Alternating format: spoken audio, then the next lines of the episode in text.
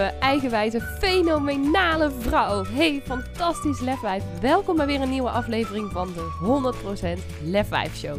Mijn naam is Lisa van der Veken en in deze podcast deel ik vier keer per week magische meditaties, praktische tips en tools en inspirerende interviews met je om meer van jezelf te houden, meer kracht, vertrouwen en lef te tonen in jouw leven en 100% te gaan staan voor wie jij diep van binnen echt bent. Dus ben jij er klaar voor om je innerlijke lefwijf volop te laten stralen? Dan zeg ik: let's go! Hey lieve, mooie, prachtige vrouw. Welkom bij weer een nieuw interview in deze 100% Lef 5 Show podcast. En vandaag interview ik Guus Maris. En Guus is uh, trainer, opleider bij Sluis NLP Instituut. En ze is daar ook senior coach. En in die laatste rol heb ik haar leren kennen tijdens mijn eh, NLP practitioner opleiding. Um, vorig jaar, eind vorig jaar, heb ik uh, de opleiding gedaan bij uh, de Academie van Rutli Sluis. En het is echt een van de aller, allerbeste opleidingen die ik heb gedaan. Dat het geld echt, nou, drie, viervoudig echt wel waard was. Zat zo goed in elkaar, heel veel geleerd. Super toffe vibe ook die ze daar neerzetten. Naast gewoon de inhoud die ze aanbieden. Dus toen dacht ik, ja, het zou me zo leuk lijken om uh, daar ook iemand van te mogen interviewen. En Guus sprak mij daarin heel erg aan. Sowieso een van de weinige vrouwen. Het zijn bijna allemaal uh, mannelijke trainers. Maar Guus is in mijn ogen echt een hele mooie, wijze vrouw. En uh, ik heb haar ook gevraagd toen aan het eind van de opleiding of ze het tof zou vinden om uh, te gast te zijn. En daar moest ze even over nadenken. Ik heb het haar later nog een keer gevraagd. En toen ik een uh, bonusdag had over familieopstellingen, waar Guus ook alles over weet, waar je ook veel meer over hoort ook in het interview. En toen zei ze ja, dus uh, ik ben lekker naar Guus uh, naar huis gereden. En daar hebben we een super mooi gesprek gehad over onder meer natuurlijk haar grootste lefdaad. We hebben gesproken over hoe zij dankzij haar kinderen ook zelf heel veel stappen heeft gezet in haar eigen persoonlijke ontwikkeling hoe ze tegen het beeld wat haar ouders altijd geschetst hebben in is gegaan. Maar ook over familieopstellingen. Guus, Guus haar kindje zou ik bijna durven zeggen. Iets waar ze heel veel van weet. Waar ze dus ook heel veel trainingen over geeft binnen Sluis NLP Instituut. En ze vertelt je in deze podcast ook onder meer wat familieopstellingen nou eigenlijk zijn. Wat de basis is erachter. Hoe je het ook op verschillende manieren uit kunt voeren. En ook toe kunt passen in jouw eigen leven. En ook vooral wat het jou kan brengen. Kortom, een uh, heel mooi interview, in mijn ogen althans. En ik hoop ook van harte dat jij het zo mag ervaren. En ik wens je dan ook heel veel plezier tijdens het luisteren van dit interview met Guus Maris. Guus, van harte welkom in de, de 100% Lef 5 Show uh, podcast. En ik vind het super leuk dat je hier vandaag ook te gast wil zijn. En wij kennen elkaar natuurlijk via de NLP-opleiding, waar ik jou heb gesproken. En ik ik vind jou een hele mooie, wijze, inspirerende vrouw. Zo kom je althans uh, op mij over. Dus ik ben heel benieuwd ook uh, wat we dadelijk allemaal lekker gaan bespreken. Maar voor nu zou je jezelf ook even voor willen stellen voor de mensen die jou wellicht nog niet kennen. Nou ja, de mensen noemen mij uh, Guus. Ik ben geboren als Augusta Frederica. Ik ben, ik ben moeder van, van zes, zes volwassen kinderen nu. En ik moet je heel eerlijk zeggen, dat is, uh, dat is mijn grootste lefdaad in het leven. Dat die, kinderen grootbrengen. Ik heb altijd gedacht van jeetje, voor alles heb je een diploma nodig. Alleen voor kinderen opvoeden niet. En hoe doe je dat dan? Hè? En hoe ga je daar dan mee om? Dus uh, ik, ik uh, moet je eerlijk bekennen, het was iets tussen knuffelen en knuppelen. Dus om mezelf een beetje in de hand te houden, uh, ben, ik, ben ik dat hele, het hele proces ingegaan van, van coaching en, en uh, opstellingenwerk. Ja. Oké, want je begint al meteen heel mooi. Jouw grootste lefdaad is het krijgen van kinderen en dus het opvoeden ook van kinderen. En om jezelf een beetje in de hand te houden, ben je in het coachen beland. Laten we even, even terugspoelen naar het begin. Want je hebt zes kinderen, toch? Ja. En ja, ik, we kijken hier naar een hele mooie foto van inmiddels uh, volwassen kinderen. Inmiddels uh, ook oma, heb ik begrepen.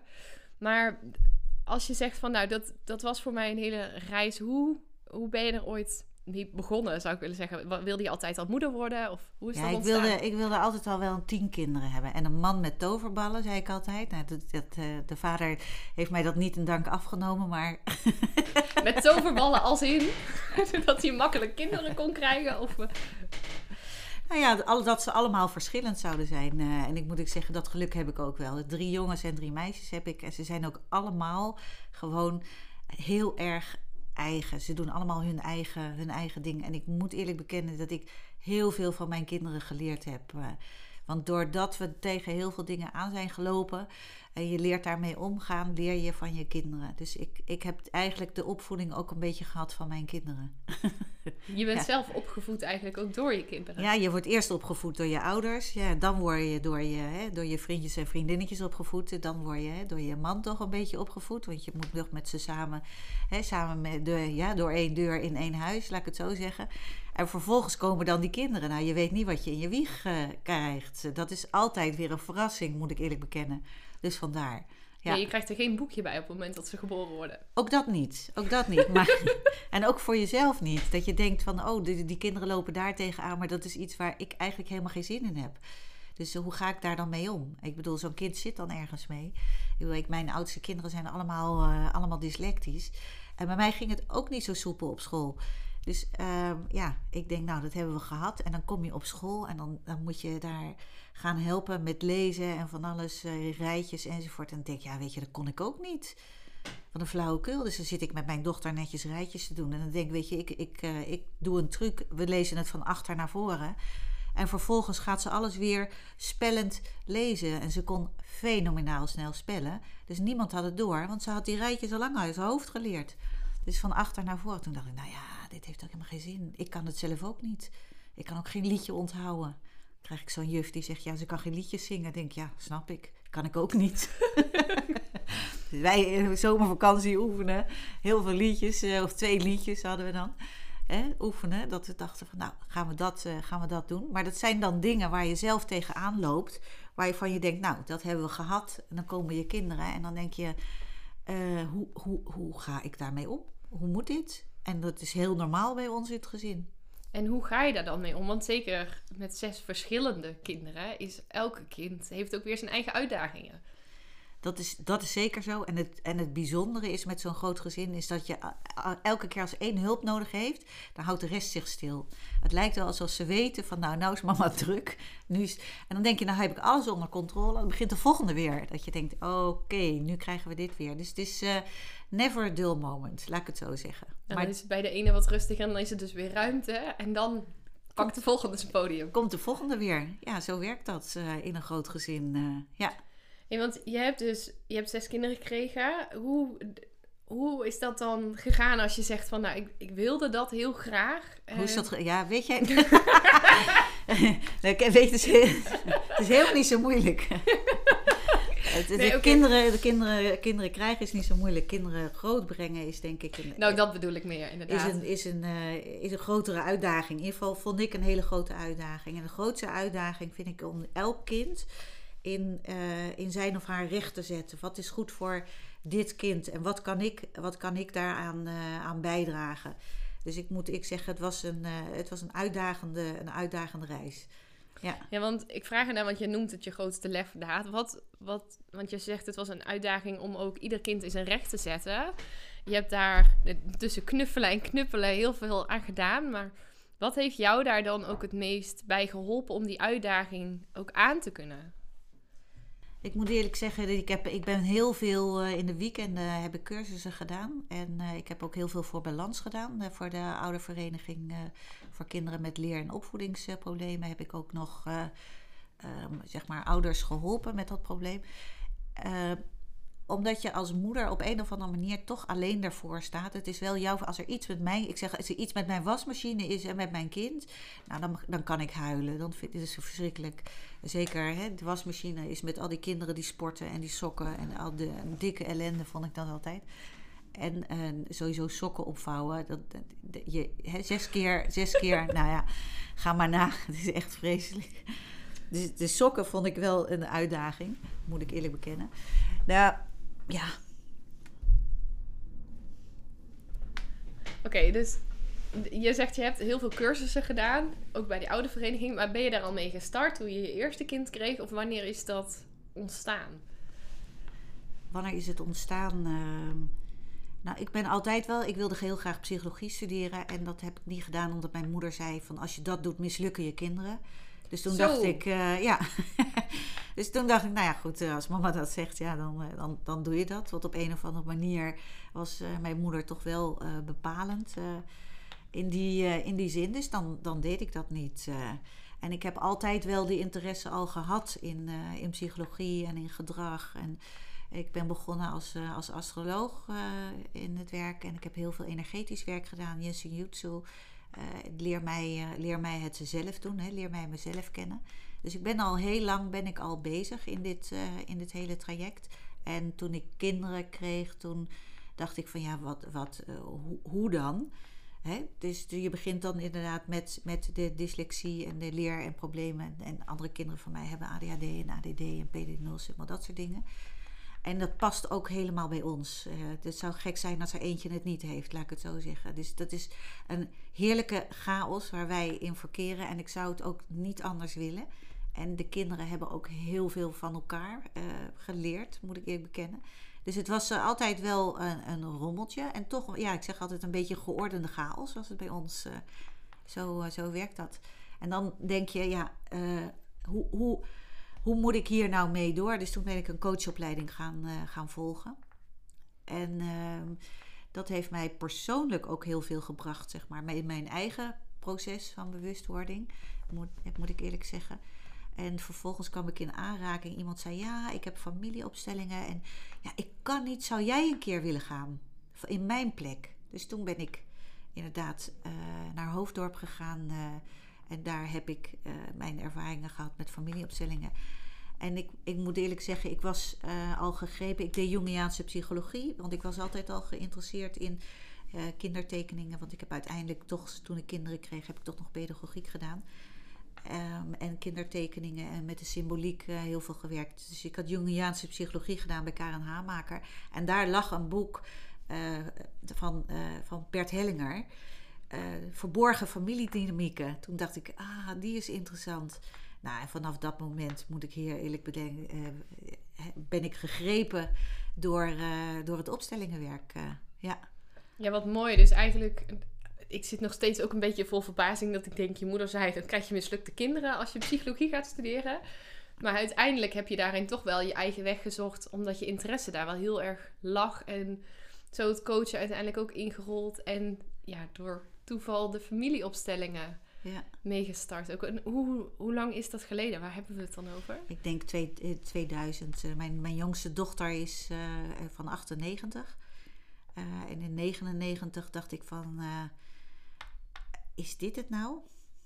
Ik heb een huisje, een, een, ik heb kinderen, ik heb een man, ik heb een auto, ik heb een fiets. Ik heb eigenlijk alles.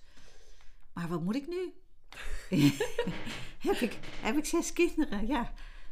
Ja, en ik dan? En toen? Ja, en toen ben ik begonnen dus aan deze, aan deze reis. Ja. En toen de eerste keer in iemand anders plek naar familieopstellingen gegaan. Hoe was dat voor jou, de eerste ervaring daarmee? Ik moet zeggen, ik vond het toch best wel eng hoor. Wat vond je er uh, eng aan? Nou, ik merkte, ik, ik ben zelf helemaal niet zo goed met woorden. Dus ik voel heel veel dingen aan. En, en dan hè, moest je daar staan in een plek van een ander. En ik, ik had zoiets van ja, ik ging zweten en ik voelde me ellendig. En ik dacht, wat gebeurt hier allemaal? Dus ik kreeg echt hele fysieke reacties erop. Dus voor mij heeft het twee jaar geduurd voordat ik eindelijk kon buigen voor, uh, voor mijn ouders. Dat ik dacht, oh my god, dat doe je toch niet? Dus ik, ik moet eerlijk zeggen, ik heb een heel proces gelopen. En ik ben ook bij heel veel andere opstellers gaan kijken. Om te kijken van god, hoe doen die het? En uh, waar ik ook heel veel van geleerd heb, is Daan van Kampenhout, die uh, zeg maar vanuit het shamanisme systemic rituals aankomt vliegen. En wij in het Westen kijken naar wat is het probleem dan. Terwijl het shamanisme kijkt veel meer waar haal ik mijn kracht en mijn steun vandaan. En van daaruit ga ik dan kijken weer de wereld in. En dan blijkt dat het probleem helemaal niet zo'n groot probleem is. En dat, we, dat er altijd nog meer mogelijk is. Dus een beetje NLP. Maar dat, dat is een beetje het, het principe, het, het op een of andere manier andere manier kijken naar je situatie. Word je ook weer bewust van een situatie. en dat heeft mij eh, heel veel geholpen, moet ik zeggen. Ja, dus ik heb in dat hele proces, heb ik ook persoonlijk heel veel eh, geleerd. Dat ik dacht, oh, ik heb zes kinderen, nu ben ik mezelf kwijtgeraakt. Ja, ik denk eh, een gedachte die ook veel moeders eh, wellicht herkenbaar vinden. Zeker, nou ja, ik had het na de eerste al, maar je had het na, na zes kinderen. Maar ook mooi dat je zegt van de, de eerste ervaring was eigenlijk nog best wel spannend met de familieopstelling. Het trillen zweet, wat overkomt me nou? Maar toch daar wel in stappen in blijven zetten. En daarin zelf ook verder blijven ontwikkelen en uitdagen tot je na twee jaar ook voor je eigen ouders kon buigen. En uiteindelijk zelfs familieopsteller geworden en trainer ook in familieopstellingen. Ja, bijzonder hè. Dat had ik dus nooit verwacht dat ik dit, eh, eh, dit zou gaan doen. Want ik vind sowieso voor de klas staan, vind ik, eh, vind ik ook al heel bijzonder. Dat is niet echt, echt niet mijn ding, laat ik het zo zeggen. Ik moet ik zeggen, die eerste keren stond ik daar ook misselijk voor die groep. En dat ik dacht, nou, dit is eigenlijk, ik weet helemaal niet of ik dit, of ik dit wel wil. Uh, dus, maar ja, nu, nu hebben we inderdaad uh, twee opleidingen. En, en uh, moet ik, ik zeggen, ik vind ik wel heel bijzonder wat er, wat er weer gebeurt. en dat is op een of andere manier ook niet uit te leggen. Hè? Als iemand dan zegt van, weet je, ik heb mijn vader twee jaar niet gesproken. En hij belde me gisteren tijdens die opleiding. Of ik meeging op vakantie. Dat ik denk, hè? het werkt gewoon. En, en, en is, in het begin dacht ik van nou, dat doen ze om mij plezier te doen. Maar, dat, is, maar dat is het ook niet zo. Iemand anders zegt dan van ja, jeetje. Uh, mijn dochter belde en die zei van hoe laat uh, heb je, de, waar was je mee bezig gisteren om zo laat? en dus mijn dochter kwam ook al naar me toe, dus haar kleindochter. Dat je denkt, het kan dus shiften, ook voor je, voor je kinderen, maar ook voor je kleinkinderen. Dat je denkt van hoe, hoe dan? ja, mensen met, met, met, fantastische dromen en toch uitgeslapen zijn. Dat je denkt, hele gesprekken met grootvader gehad hebben in de nacht. Uh, dat, je, dat, je, dat je denkt, weet je, dit voorzien je niet. In ieder geval, ik voorzien het niet. Uh, er gebeurt zoveel. En ik, wat ik ook heb, is dat er gebeurt... Er gebeuren zoveel dingen waar ik eigenlijk... ja, zo ben ik niet opgevoed. Ik ben gewoon heel keurig netjes in een net gezinnetje opgevoed. En allemaal zaken waarvan ik dan nu denk van dat, dat mensen elkaar dat aandoen. Dat ik denk, hoe, hoe dan? Als in de verhalen die je dan ook hoort van deelnemers. Ongelooflijk, ja, dat je denkt dat jij er nog staat. Hè, dat jij er gewoon, dat jij het gewoon gered hebt. En dan denk ik, hoe sterk zijn wij mensen wel niet? Ja, wat een veerkracht hebben we dan eigenlijk ook. Ongelooflijk, dat je, dat je denkt, nou, dat, dit, dit had ik niet overleefd hoor. ja. Ja, en ook ook wel heel bijzonder wat je dan zegt dat op zo'n opstelling dat er dan dus blijkbaar ook dingen veranderen. En ik ben ook zo heel even benieuwd of je toe kunt lichten wat een familieopstelling nou eigenlijk is. Want een deel van de luisteraars zal er bekend mee zijn en een deel wellicht ook helemaal niet. Maar dat er dan dus ook dingen kunnen veranderen omdat jij intern daarmee aan de slag gaat. Dat er letterlijk op dezelfde dag ook bij je kinderen, bij je ouders, broers, zussen, dat er daarin ook shifts kunnen gebeuren zonder dat je met hun überhaupt contact hebt gehad, ja. fysiek. Ja, bizar is het. Een opstelling. Uh, wat is een opstelling? Een opstelling is je met, met een aantal uh, mensen. Maar je kan ook opstellingen doen uh, met, met papier. Of en ik, werk één op één gewoon met stenen. Kijk, hier ligt mijn, grote, mijn bak met stenen. Die ik verzameld heb in de loop der jaren. En daar doe ik dan opstellingen neer. En dan leg je al je familieleden neer. Maar je kan ook uh, heel veel andere dingen opstellen. Hè. Er zijn heel veel verschillende soorten opstellers. Je kan onderwijs opstellen, je kan een ziekte opstellen, je kan blind opstellen, je kan van alles, uh, van alles uh, opstellen. Alles wat is structuuropstellingen. Dus je hebt heel veel verschillende vormen. En organisatieopstellingen, leiderschap. En dan stel je dat op in de ruimte. En op een of andere manier weten we niet hoe het werkt. Hè. Dit is, is, maar we weten wel dat het werkt. En dan representeert iemand uh, zeg maar jouw bedrijf of uh, jij als werknemer of jij als, als kind of jij als ouder. En het fenomeen, zeg maar, het is het fenomenologisch waarnemen. Het fenomeen is dat de mensen op een of andere manier toch dat vertegenwoordigen waarvoor ze in het veld staan. En dat is gewoon raar. Dat is gewoon gek. Dat iemand dat gewoon. En dan zegt iemand: ja, dat is sprekend, mijn moeder. Maar ook mensen die gewoon niet willen deelnemen. Ja, zei, ja mijn vader die, uh, ja, die was ook niet echt beschikbaar of die deed niet mee. Dus dat klopt het ook dat iemand gewoon helemaal niet meedoet. Dus het is bizar, moet ik eerlijk zeggen. Fascinerend, zeg je bij NLP, maar het is bizar om te zien hoe goed mensen in kunnen tunen. Maar ik doe ook opstelavonden met mensen die helemaal niet bekend zijn met familieopstellingen. En dan gaan we gewoon staan en wat er dan gedeeld wordt, dat is, dat is ook zo bijzonder. En wat, Want, wat, wat wordt er dan bijvoorbeeld zo al gedeeld op zo'n avond? Nou, waar, waar mensen mee zitten, wat hun uh, levensvragen zijn. Uh, in principe zeg ik, uh, zet het op een briefje en dan trek ik iemand. En dan, er was laatst iemand, dat vond ik ook zo grappig. En die zei, nou eigenlijk had ik helemaal geen zin om te komen. En toen zei ik, goh, heb je een briefje in de, in de bak gedaan? Ja, zei hij. Ik zeg, nou dan zal je zien, dan ben jij als eerste, kom je aan de beurt. En ja hoor, hij kwam als eerste aan de beurt. Er gebeuren, dat is, ik verbaas me er ook verder niet meer over. Ik heb zoiets, het is wat er is. En ik laat het, ik laat het gewoon gebeuren. En ja, waar, waar je op zoek naar gaat, is eigenlijk de patronen. En wat betekent het voor die ander? Dus als opsteller vul je eigenlijk niks in. Alleen je vraagt constant aan de vraagsteller van... Goh, herken je dit? Of hoe is dit voor jou? Of voelt het vertrouwd? Of wat beeld heb je?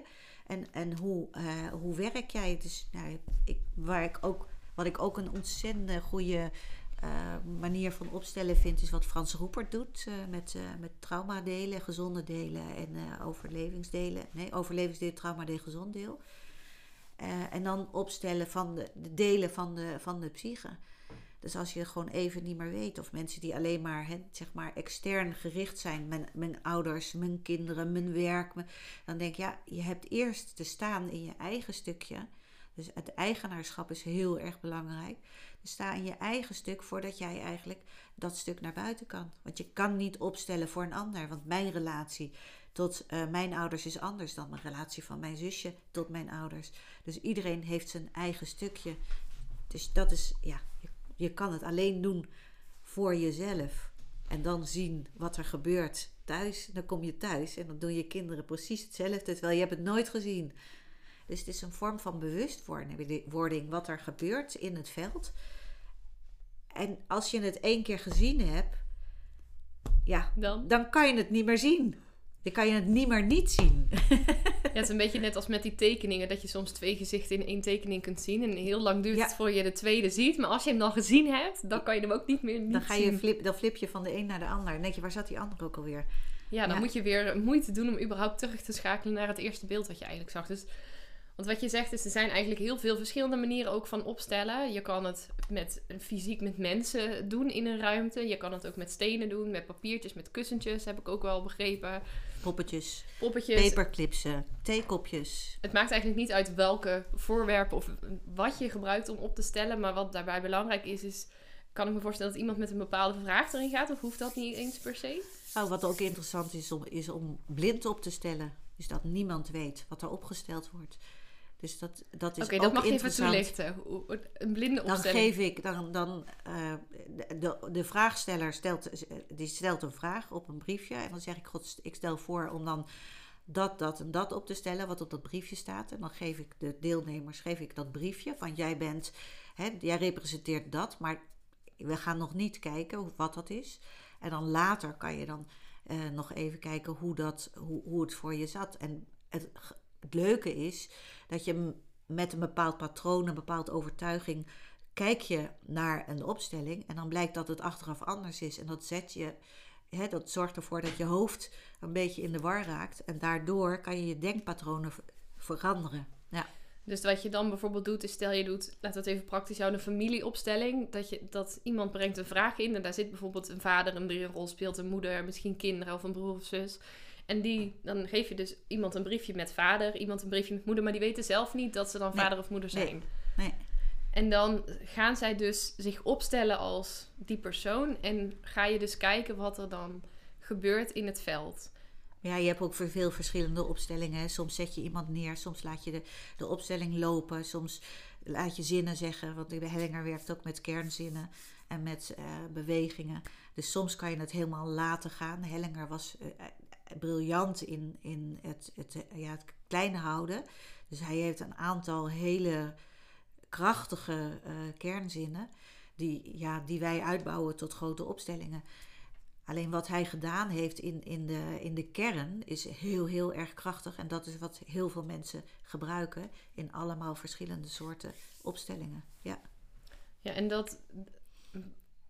Ik ben dan ook nog nieuwsgierig, wat komt daar dan bijvoorbeeld uit? Kan je ons eens meenemen in een voorbeeld van een opstelling? Hoe gaat dat dan op zo'n avond?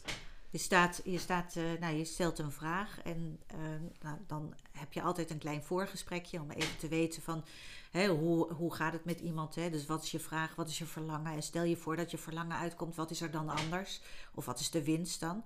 En soms is er heel veel winst om angst te hebben, want dan hoef je iets anders niet aan te kijken. Dus het is eventjes beetje sparren met elkaar van hoe, hoe werkt dat. Ik ben nooit voor hele lange intro's drie, vier zinnen even checken van waar, waar, waar, zit het en hoe voelt het. En is het jouw eigen vraag? Want dat vind ik het allerbelangrijkste wat er is. Dat het echt vanuit iemand zelf komt. En dan vraag je iemand om te gaan staan in het veld. En soms geef je hem een plek en soms zeg je, nou ja, je mag gewoon vrij rondlopen, maakt niet uit. Dus dat is voor dat moment uh, wat er dan in je opkomt. Het is ook intuïtief werk, uh, want we weten ook niet hoe of wat. En dan stel je, uh, nou ja, bijvoorbeeld de ouders op en de, de, kinderen. En dan vraag je aan diegene goh, herken je dit? En hoe, hoe, hoe is dit voor jou? En dan uh, blijkt dat er op een gegeven moment toch het een en ander uitkomt. Dat je dan zegt van, goh, hoe, hoe zit dat dan? Hè? Dus jullie kijken wel of niet naar de ouders. Of de ouders die staan in de kinderrij. Of de, of de kinderen die staan achter de ouders. Dus dan, dan ga je een beetje op onderzoek uit of de, hè, of de kinderen aan het zorgen zijn voor de ouders. Of, dat, hè, de, kind, of de ouders afdalen in de kinderrij. Of hoe, hoe dat. Uh, dus je gaat in principe. Het is een puzzeltje. Dus je gaat op zoek naar wat, wat, wat speelt hier in dit, in dit gezin, in dit, in dit veld. En waar ik op zoek naar ben, is een patroon. Hè? Gebeurt het bij jou? Gebeurt het bij jouw ouders? Gebeurt het bij jouw opa en oma? Of zit het, zit het in de mannenlijn of zit het in de vrouwenlijn? Dus als er een aantal dingen zich gaan herhalen uit het voorgesprek, hè, in de opstelling, dat, dan, nou ja, dan valt het je op en zeg goh, herken je dit patroon? Hè? Is dat, is, klopt dat? Dus door het patroon te zien en te erkennen en er het door te, voor te buigen. Ik zeg altijd, uh, ik zie je, ik hoor je en ik, uh, ik hou van je of ik erken je. Want dat zijn in principe de, ja, de basisdingen uh, buiten dankjewel en het spijt me. De basisregels in, in, dit, in dit hele spel is dat alles hoort er in principe bij. En als het iets ja, weggedrukt wordt of iemand wordt niet gezien, dan gaat een kind daar achteraan. Dus als de moeder met de aandacht bij de overleden broer is, dan heb je best kans dat het kind dan daar naartoe gaat met de aandacht. Naar die overleden broer bijvoorbeeld? Bijvoorbeeld naar die overleden broer en omdat hij dat overneemt. En als je dat ziet, dan heb je, dan heb je niet dat gevoel van. Uh, ik moet daar nog heen, maar ik kan hier blijven. Ik had op een gegeven moment in een coachgesprek een dame en die zei: Ik ben eigenlijk helemaal gelukkig. Ik heb alles wat ik hebben wil. Maar. Ja, ik heb alleen het gevoel dat ik wil verdwijnen. En mijn vriend mag niet mee. Dus alles, een baan, dit, dat, alles heeft ze. En nu bleek dat zij geadopteerd was. En zij is zeven weken te vroeg geboren en zij is meteen, huppakee, weg uit het land van herkomst naar Nederland, opgevangen, geadopteerd. Dit kind moest verdwijnen. Letterlijk destijds. Die moest destijds letterlijk verdwijnen. En toen zei ze van, ah, het is net alsof er een echt een hele last van me afvalt. Want ik weet nu waar het vandaan komt. En dan moet je het nog steeds aankijken en bewust van worden. Maar ze zegt, nu begrijp ik het tenminste. Nu kan ik erbij. Dus dat geeft een enorme rust. Dan kan je er voor het eerst ook iets mee. Als je niet weet waar het vandaan komt. Dan... Ja. ja. Dus ze zat echt dat ze echt wilde verdwijnen. Ik wil weg. Ik wil. Hè? Ja, ze zei: Ik zit met dat gevoel. En op het moment dat je dat kan plaatsen maar hoe kom je er dan achter bijvoorbeeld of zo iemand geadopteerd is als zij dat niet van zichzelf weet? Je gaat altijd eventjes een kleine vraaggesprek even kijken waar kom je vandaan. En vaak zie je ook wel of iemand, hè, het land van herkomst, uh, uh, kan je ook vaak wel aan iemand zien. Dus kan je, god, hoe zit dat dan met je voorouders? Hè? Waar komen jullie vandaan? Enzovoort, enzovoort. Maar ze, was, ze, sprak perfect Nederlands, hele slimme dame. Had het allemaal voor elkaar. Dus En dan sta je daar gewoon ook vaak niet bij stil zelf, kan ik me voorstellen. Dat dat dan een mogelijkheid is dat dat, dat de oorzaak zomaar, is. Dat het zomaar zou kunnen zijn dat jij moest verdwijnen. Ja, dat je op dat moment, hè, dat ze dachten dat dit het beste voor jou was eh, om jou, eh, ja, Interessant. ja, inderdaad. Ik moet zeggen, ik krijg elke keer weer kippenvel van ik dit kreeg soort... net ja. ook, mijn hele lijf stond onder de kippenvel toen je dat verhaal vertelde van die vrouw. Jeetje. Heel bijzonder, de dingen die je meemaakt. Ja, En nog even, want je vertelde net van de ouders die dan in de kinderrij gaan staan. Kan je dat eens toelichten? Wat houdt dat, wat houdt dat in? Want ik weet, je hebt vaak ook verteld van als kind heb je op de schouders eigenlijk van je ouders te staan. Maar wat, wat bedoel je daarmee? Ja, als een moeder zeg maar eh, in de kinderrij gaat staan en zegt: Mijn dochter is mijn beste vriendin. Ja, dan ontneem je eigenlijk je kind ook een moeder. Dus iedereen heeft een plek en een kind heeft een ouder nodig, een moeder en een vader. Het is heel simpel. Anders waren we er niet geweest. Dus dat is altijd wat ik zeg. Je, moet, je hebt je ouders te nemen met alle goede dingen en alle minder goede dingen. Met het verlangen en de achterkant van het verlangen is het gemis. En als je dat neemt, dat is eh, wat Els van Stijn zegt, de package deal, dan neem je in principe het lot. En wat je verder krijgt, zeg ik altijd, is bonus. Dus je, dat DNA, dat is wat je meegekregen hebt. Dat, is, hè, dat, dat, heb je op een, ja, dat heb je toch te eren. Daar heb je toch voor te, ja, te ja, buigen, danken, eren. Dat is echt iets van Hellinger. Dat je de hebt daarvoor te, eh, te buigen. Je hebt dat te nemen. Dus dat Ongeacht lot- of je er blij mee bent of niet. Maakt niet uit of je er blij mee bent of niet. Jij bent er, je leeft. Hè? Dus je bent dankbaar eigenlijk voor het leven wat je is gegeven. En dat is inderdaad het enige waar je dan dankbaar voor kan zijn. Ook als je geadopteerd bent en weggegeven bent. Dan heb je, je hebt wel het leven gekregen van deze ouders. Ongeacht wat, wat er allemaal omheen gebeurt en hoe je ouders zijn en of ze goed voor je zijn of niet dat is wel het stukje, het leven, daar heb je voor te, te danken. En de rest, ja, ik kan me voorstellen dat je soms, als ik de verhalen hoor, dat je ouders eventjes eh, wegzet. Dat je zegt, nou, dat is voor mij op dit moment eh, toch niet de beste manier. En toch is het belangrijk om ook voor je ouders, hè, ondanks dat ze je het leven hebben gegeven, dat je daarvoor kan buigen. Dus het is een ander buigen dan dat wij eh, zeg maar normaal in het leven doen. Dat je buigt voor iemand uit nederigheid. Nee, dit is buigen uit dankbaarheid voor het leven wat jij hebt gekregen. Dat valt, dat valt niet altijd mee. Maar dat kan je dus als kind naar je ouders doen. Maar daarmee sta je nog niet altijd op jouw plek als jij buigt vanuit dankbaarheid voor je ouders, kan ik me voorstellen. Het is wel een eerste stap.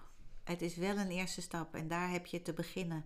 En je hebt te beginnen omdat je ouders boven je te zetten en jij gewoon onder je ouders te gaan staan. Jij bent maar het kind, want de liefde gaat stromen in principe. Hè? Ouders geven en kinderen ontvangen. En dat is een beetje zoals, eh, zoals Els van Stijn in de fontein zegt.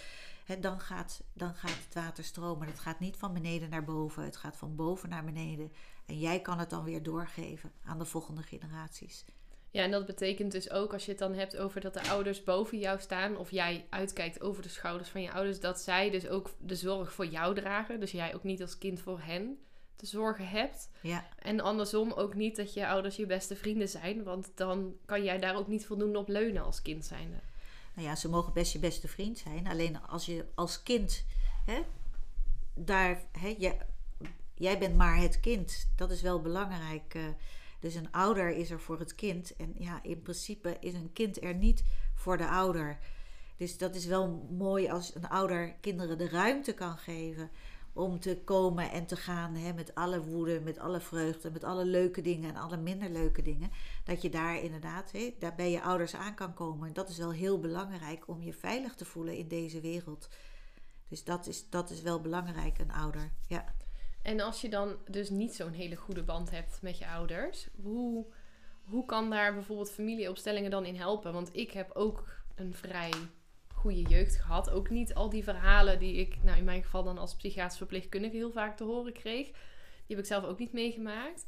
Wat zou dan kunnen helpen? Want je zegt een eerste stap is buigen voor je ouders vanuit dankbaarheid dat ze jou het leven hebben gegeven.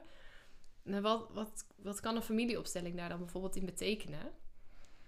Op het moment dat je je eigen plek inneemt in de rij, hè, onder je ouders, als het kind, zij zijn de ouders en jij bent het kind. zij zijn de grote, jij bent de kleine. Dat zijn van die kernzinnen van, van Hellinger die, uh, die grote impact hebben. Dat je gewoon echt je eigen plek gaat innemen. Ik ben de eerste, ik ben de tweede, ik ben de derde in de rij. De oudste heeft toch iets meer verantwoordelijkheid dan de jongste.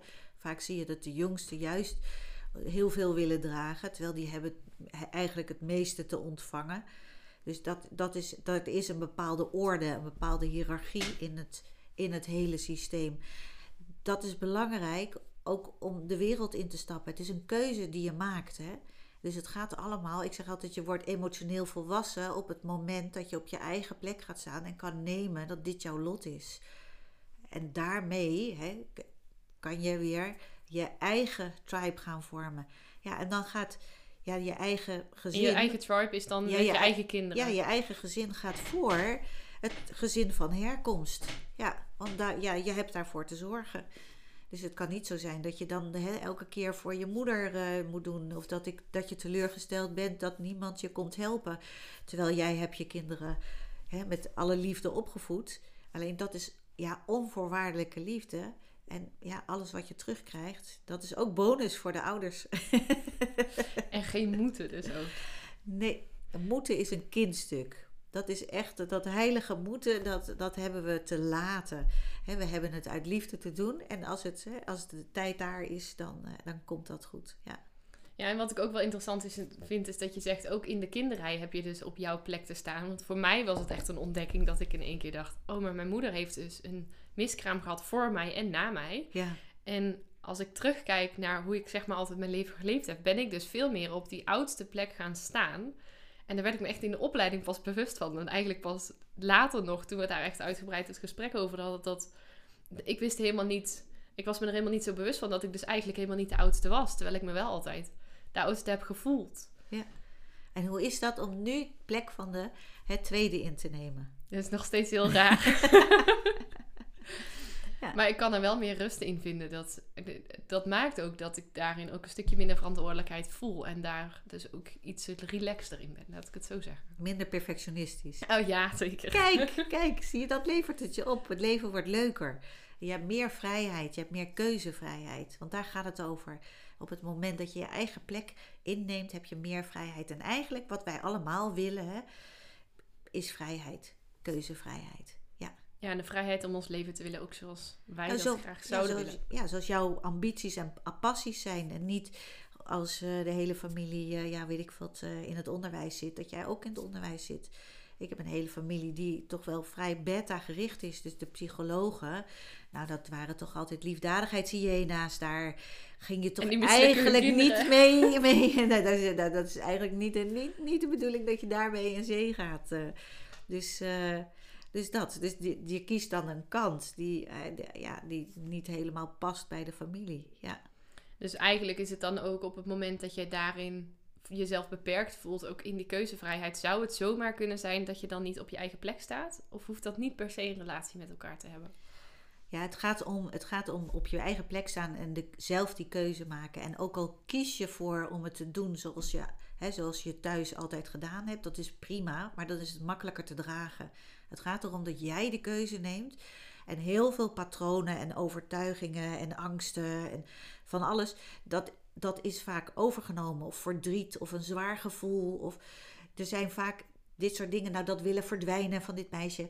Dat, dat zit ergens in het systeem en je weet niet waar het vandaan komt. Dus hoe mooi is het dat je gewoon bewust kan kijken: oké, hier komt het vandaan, zo hebben wij het gedaan. En wat, wat kan ik er nu aan doen om in de toekomst hè, dat, dat anders te doen? Dus hoe krijg ik het voor elkaar om hier te blijven? En als je dat dan bijvoorbeeld dus niet, niet weet, of je, ik heb ook wel eens de verhalen gehoord dat een moeder dus niet echt een moeder bleek te zijn. Maar stel je weet dat bijvoorbeeld niet als kind, of je weet niet dat, je, dat er nog miskramen voor je zijn geweest, of doodgeboren kinderen omdat dat stilgezwegen is. Hoe kom je daar dan achter? Ik kan me er wel een beeld van vormen, maar wat, maar wat, wat merk je dan in bijvoorbeeld zo'n opstelling? Ja, je kan, ik zou het altijd gaan vragen. Ga altijd op onderzoek uh, uit. Uh, maak, een, genogram. Ga, ga op zoek bij ooms en tantes. En ga eens vragen hoe dat in de familie zit. En het bijzondere is dat je dan op een of andere manier toch uitkomt op een aantal, op een aantal patronen. Dus het is echt gewoon breek, breek het open, ga, ga erover praten, ga met elkaar hè, aan tafel zitten. Vraag eens hoe was jouw, hè, hoe was jouw jeugd of hoe was jouw geboorte of hoe werkte dat bij jou en hoe werkte dat bij papa. Of, dus dat je met elkaar gaat praten over hoe was dat voor jullie. Ga op onderzoek uit. Dus het is net zoals voor mij in een opstelling dat ik op onderzoek uitga. Is het voor jezelf goed om op onderzoek uit te gaan? En in een opstelling, soms is er heel veel onrust in een opstelling. En dan zeggen ze: nee, er is absoluut geen broer of zusje. Is er, uh, is er, uh, dat kan gewoon niet. Dat, dat bestaat niet, dat had ik wel geweten. En het, het, het, ja, het, stomme is dat ik kom er nog niet eens zo heel lang achter dat mijn zusje zei van ja, ik was een van een tweeling. En uh, mijn moeder die heeft een deel uh, weg laten halen. Ja, of het verhaal waar is, weet ik niet. Maar mijn ouders gingen hè, naar, naar Curaçao en die, um, die moesten wachten tot de baby geboren werd. Dus dat was eigenlijk niet Bijzonder. de bedoeling achteraf gezien. Maar dit soort, ik kan het niet verifiëren, want mijn moeder die is, uh, die, die is al ja, gegaan, laat ik het zo zeggen. Dus dit soort verhalen komen er dan. Dat ik denk van ja, is dit, is dit nou waar of is het niet waar? Aan de andere kant, als je het dan opstelt in zo'n opstelling en je ziet dat er evenwicht en rust komt, dan denk je er zal wel iets geweest zijn. Of misschien is het niet een, uh, een, een, abortus of een, of een kind, maar misschien was er iets anders wat blijkbaar ook gezien moest worden. Dus ik vind het lastig om het dan te zeggen van ja, het is zo, want dan kunnen we nooit je kunt het nooit met zekerheid zeggen, tenzij je het kunt achterhalen en verifiëren. Ja, precies. Dus dat. Ja. Maar ook wel interessant, want ik denk dat dit soort gesprekken, ik bedoel, ik heb ze niet heel vaak met familie. Dat, dat je zegt van nou ga eens op onderzoek uit en ga het er überhaupt eens over hebben. Dat dat ook alleen al, kan ik me voorstellen, heel veel rust kan brengen. Als je daar dus ook meer zicht op krijgt. Je krijgt hele leuke gesprekken. Echt waar. Dikke smile. Ja. Je hebt ze zelf ook gevoerd. Ik heb ze ook zelf gevoerd toen ik in dat coachtraject zat. Eh, ik heb de drie jaar die coachopleiding gedaan. Toen ben ik ook op onderzoek uitgegaan van hoe was dat hè, in mijn jeugd. En hoe, ik heb een ongeluk gehad toen ik drie jaar was. En ik weet van de eerste negen jaar van mijn leven helemaal niks. Dus ik ben toen ook op onderzoek uitgegaan van hoe was dat dan en waar woonden we. Dus ik had het ongeluk gehad en zijn wij meteen verhuisd. Nou, dat wist ik allemaal niet. Ik wist ook niet het huis wat we nog in Nederland hadden. Dus er zijn heel veel dingen die ik niet wist. Maar mijn zusjes, die hebben een enorm goed geheugen. En die weten, uh, die weten alles nog. Dus ik ben echt op onderzoek uitgegaan van hoe, hoe zat dat dan? En hoe zat het bij papa en mama? En hadden die, uh, die waar mijn vader had ook een, een, uh, een glazen oog, uh, omdat er een, een, dingetje in was gekomen. Een, zo'n lipje van een bier, blikje. Ja, precies. En nou goed. Dus, de, dus dan ga je kijken wat, wat is er allemaal in de familie gebeurd. En op welke leeftijd. En wat zijn, de, wat zijn de patronen die zich tonen in de familie. En hoe gaan wij daarmee om? Dus je, neemt niet alles letterlijk over. Sowieso zou dat wel kunnen. En soms neem je het in een andere vorm over. Dus het is echt op zoek gaan van hoe, hoe werkt dat dan? Ja. Het is eigenlijk een beetje ook detective spelen in je eigen familie. En vanuit daar dus ook. Want als je het hebt over patronen, bedoel je dan dus ook patronen die zich herhalen eigenlijk vanuit de geschiedenis ook in jouw leven en in, het, in wat je terugziet ook bij je kinderen? Dat zou, dat zou zomaar kunnen. We hadden op een gegeven moment in de opleiding iemand. In we hebben een van die dagen doen we, doen we het genogram. Maar had je genogram en er was één iemand. En die zei: God, ja, in mijn familie is op die leeftijd. Uh, hè, kregen mensen iets aan hun hart. En die was eraan overleden, die was eraan overleden. Die was. Dus je zag door de generatie heen dat er mensen aan overleden. En haar oudste broer had nu ook een, een, een stroke gehad. Uh, dus die, of, of een beroerte of iets. En dat was dus bijzonder dat ze allemaal op een bepaalde leeftijd dat hebben. Ik ben er op een gegeven moment achter gekomen dat, ik, dat mijn trouwdag is de trouwdag van de tweede vrouw van mijn grootvader. Nou wist ik helemaal niet dat hij getrouwd was. Maar ja, dus mijn, mijn oma was dus overleden en hij is dus nog een keer getrouwd. Met Grootine wist ik veel dat Grootine onze, eigenlijk onze ja, tweede oma was dat, dat is helemaal niet tot me doorgegaan. Dat was groot toen en die woonde samen met haar zuster. Dus er komen dan opeens dingen naar boven dat je denkt, oh, dat is interessant. En hoe werkt dat dan? Zij was zij secretaresse en nou ja, ze had het uh, volgens mij gezellig samen. Dus, Uiteindelijk. Uiteindelijk zijn ze getrouwd. Maar ja, ze heeft er nog niet eens zo lang van kunnen genieten. Dus dat is wel jammer, want na een, over, na een jaar overleed hij ook. Dus het is wel, het is wel grappig om te zien wat, wat, wat, er dan, wat er dan speelt. Wat voor patronen zijn er. Ja. Ja, en ook als je dan zegt bijvoorbeeld met zo'n familie waarin elke keer op dezelfde leeftijd zich bijvoorbeeld een hartaandoening dat dat afspeelt, kan je dat dan bijvoorbeeld ook stoppen met behulp van zo'n opstelling? Ja, dat hoop je wel. Dat... en, en hoe dan? Want jij, we hebben het wel eens gehad over terug. Je, je, gaat dat dan teruggeven. Hoe zit dat dan? Want zeker als het in meerdere generaties zich voordoet. Ja, soms, soms kom je tot de kern. Ik zeg altijd, het is een soort kralenketting. Hè? dan soms knip je hem door en dan vallen al die kralen eraf. En soms is het een, een, uh, ja, een parelketting en dan zitten er allemaal kleine knoopjes tussen. En dan is het knoopje voor knoopje. Dus het, is, het hangt er helemaal vanaf waar je, uh, of je tot de kern komt of, uh, of niet. Dus je kan het niet zeggen. En ik durf dat ook niet te, te beweren en te zeggen dat het zo werkt. Het werkt wel door het aan te kijken. Zie je wel dat er verandering uh, plaatsvindt? Of kan je er beter mee omgaan? Of heb je meer keuze in hè, wat je altijd gedaan hebt? Ik denk dat het ook zoiets is. Ja. Interessant. Ja. Hey, en nou hebben we het best wel uitgebreid gehad ook over familieopstellingen, hoe je dat kunt doen, hoe je het ook neer kunt zetten en over wat een eerste stap bijvoorbeeld zou kunnen zijn als mensen hier zelf mee aan de slag willen. Je zei al bijvoorbeeld het dankbaar zijn en het buigen voor je ouders, dat zij je ook het leven gegeven hebben om dus op onderzoek uit te gaan in je familie, van hoe dat zit, het maken van een genogram. Als mensen hier nou zelf meer mee aan de slag zouden willen, wat zou je hen dan daarover mee willen geven? Ga op onderzoek uit. Ga eens experimenteren, ga eens praten met je ouders. Ga praten met je ouders. Uh, en, en, als je geïnteresseerd bent, volg een opstelavond of uh, volg een opleiding. Ga naar heel veel verschillende mensen kijken. Want iedereen doet het anders. Hè? Als ik bij een andere opsteller ben, dan denk ik, nou, ik kan er helemaal niks van. Die doet het echt op een hele andere manier. dus je hebt echt ook als opsteller, heb je ook je eigen vorm te vinden. Van wat kan ik wel, wat kan ik niet. Wat ik lastig vind, is woorden. Dus ik ik heb daar heel veel, uh, ja, met energetisch werk heel veel aan gehad. Omdat die hadden aan bepaalde uh, ja, dus energiesloten, aan bepaalde woorden en bepaalde um, ja, overtuigingen aan vastzaten. Dus dan, dan, kan, dus dan kan ik, zo kon ik steeds beter dingen leren plaatsen, zeg maar. Dus het is, het is echt op onderzoek uitgaan en voelen wat bij jou past. En heel veel dingen passen bij mij niet. Dus ik ga altijd elk jaar toch ook weer bij iemand anders kijken. Hoe doet hij dat en wat kan ik daaraan meenemen? Dus ik, ik kan niet alles, maar. Ja, dus ik, ik doe mijn best. Ja. ja, maar dus enerzijds eh, ook in je eigen familie gewoon op onderzoek uitgaan. En gewoon eens gaan praten met de mensen om je heen. Of eens kijken, hoe zit dat nou eigenlijk? Zijn er bij jou misschien wellicht bijvoorbeeld ook in het gezin kinderen die niet gezien zijn... omdat er bijvoorbeeld sprake is van miskramen? Of zijn er in de, in de familie zijn er bepaalde patronen? Maar ook ga eens kijken gewoon bij zo'n familieopstelling en op verschillende plekken. Ook hoe dat gaat en wat jou daar ook in aanspreekt. Ja, wat vind jij? Ja, wat wil jij en wat voel jij en, en hoe, uh, waar liggen jouw ambities en wat zou jij willen?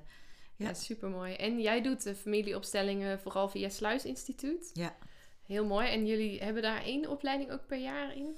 We hebben een basisopleiding familieopstellingen en we hebben de verdieping, uh, zeg maar. En de basis leer je eigenlijk de, de kleine Lego-steentjes, zeg ik altijd, van de, de, de, ja, zeg maar de kern die uh, Bert Hellinger aan, uh, aangeeft. Hè.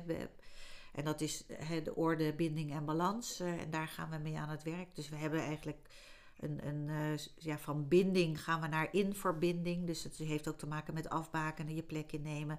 Hè, het eren van hè, het liefde, leven en het lot. Dus dat is een soort ja, doorgaande, doorgaande lijn. Zodat je hè, je eigen verantwoording kan nemen en je emotioneel volwassen hè, kan worden. En alles wat er nog ligt, dat je, daar, dat je dat aan kan kijken. En dat is wel heel bijzonder als je ziet wat er gebeurt.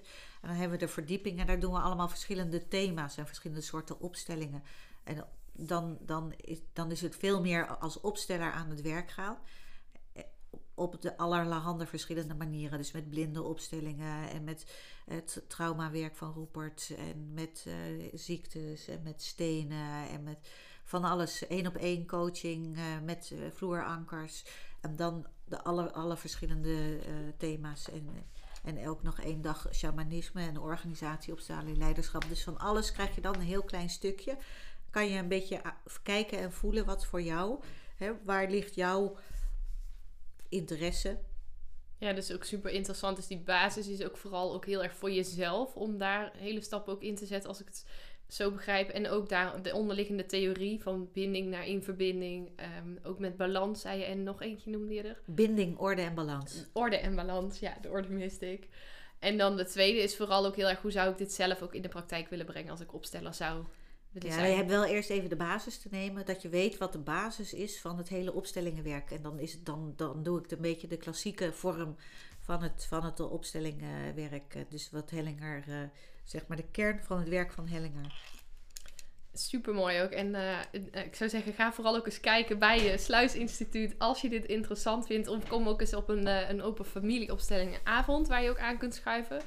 Volgens mij is er in maart ook weer eentje. 25 maart. Dus uh, die zal ik ook even, ik zal even kijken of ik de link kan vinden, uh, in delen bij uh, de show notes. En dan voor nu denk ik, we hebben echt superveel besproken, Guus. We zijn gewoon 47 minuten al aan het kletsen. Guus had van tevoren gedacht, dit wordt misschien wel een korte podcast. We gaan niet zo lang spreken. Maar ehm, zijn er dingen waarvan je zegt, die hebben we nog niet besproken en die wil ik nog wel meegeven? Of is het verhaal voor jou zo ook rond? Voor mij is het verhaal zo ook rond. ja, nou, dan wil ik je vooral heel erg bedanken. Ik vond het super leuk uh, om je te mogen interviewen.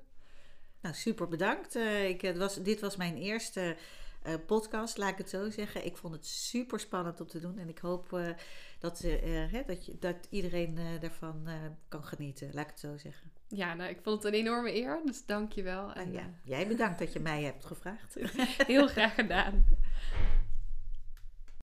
Hey mooie vrouw, wat ontzettend tof dat je het interview helemaal tot het eind hebt beluisterd. En ik ben dan natuurlijk ook heel nieuwsgierig wat jij er voor jezelf uit hebt gehaald. En ik zou het ontzettend leuk vinden als je dit met me zou willen delen op Instagram.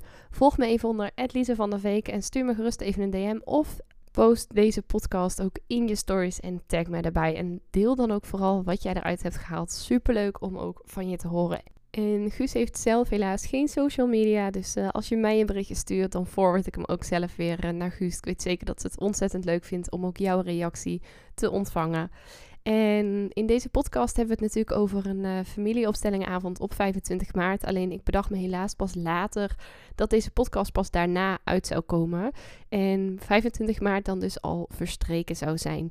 Maar ik heb een navraag gedaan bij Sluis NLP Instituut. En op 29 april van 4 uur middags tot 10 uur s avonds is er in het Subuthuis, en ik hoop dat ik het goed uitspreek, Subuthuis in Capella aan de IJssel opnieuw een avond waar je familieopstellingen bij kunt wonen.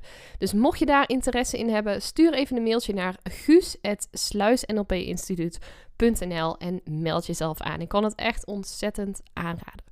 Voor nu wil ik je vooral ontzettend bedanken ook voor het luisteren weer naar deze aflevering. En als je nog geen ticket hebt gekocht voor het 100% Lef Even Event, dan mag je je volop gaan schamen. Nee, grapje. Maar dan wil ik je echt van harte aanmoedigen. Als je denkt van ja, ik wil echt in die grootheid gaan staan. Ik wil ook die patronen doorbreken. Ik ben klaar met mijn bullshit gedrag. Ga dan even naar www.lef5event.nl en koop vandaag nog jouw ticket.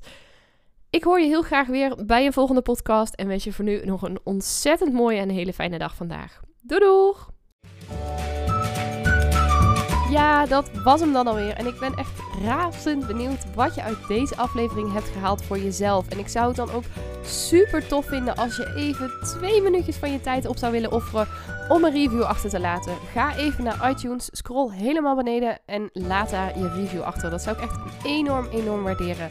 Mocht je nou nog vragen hebben of denken van nou, ik wil hier heel graag mee aan de slag, maar ik heb geen idee hoe ik dit het beste kunt doen. Of wil je gewoon even delen wat je uit de podcast hebt gehaald? Stuur me even een berichtje of deel hem in je stories en tag me op Instagram. Je kunt me vinden via Lisa van der Veken. En ja, ik wil je natuurlijk ook echt van harte, van harte, van harte, van harte aanmoedigen om ook echt in actie te komen naar aanleiding van deze podcast. Want ja, luisteren is natuurlijk super inspirerend, maar je leven zal ook pas echt gaan veranderen op het moment dat jij stappen gaat zetten en in actie gaat komen. Dus hup, geef jezelf die schop onder de kont, doe wat jij nu nodig hebt en dan wens ik je een hele fijne dag en tot de volgende podcast.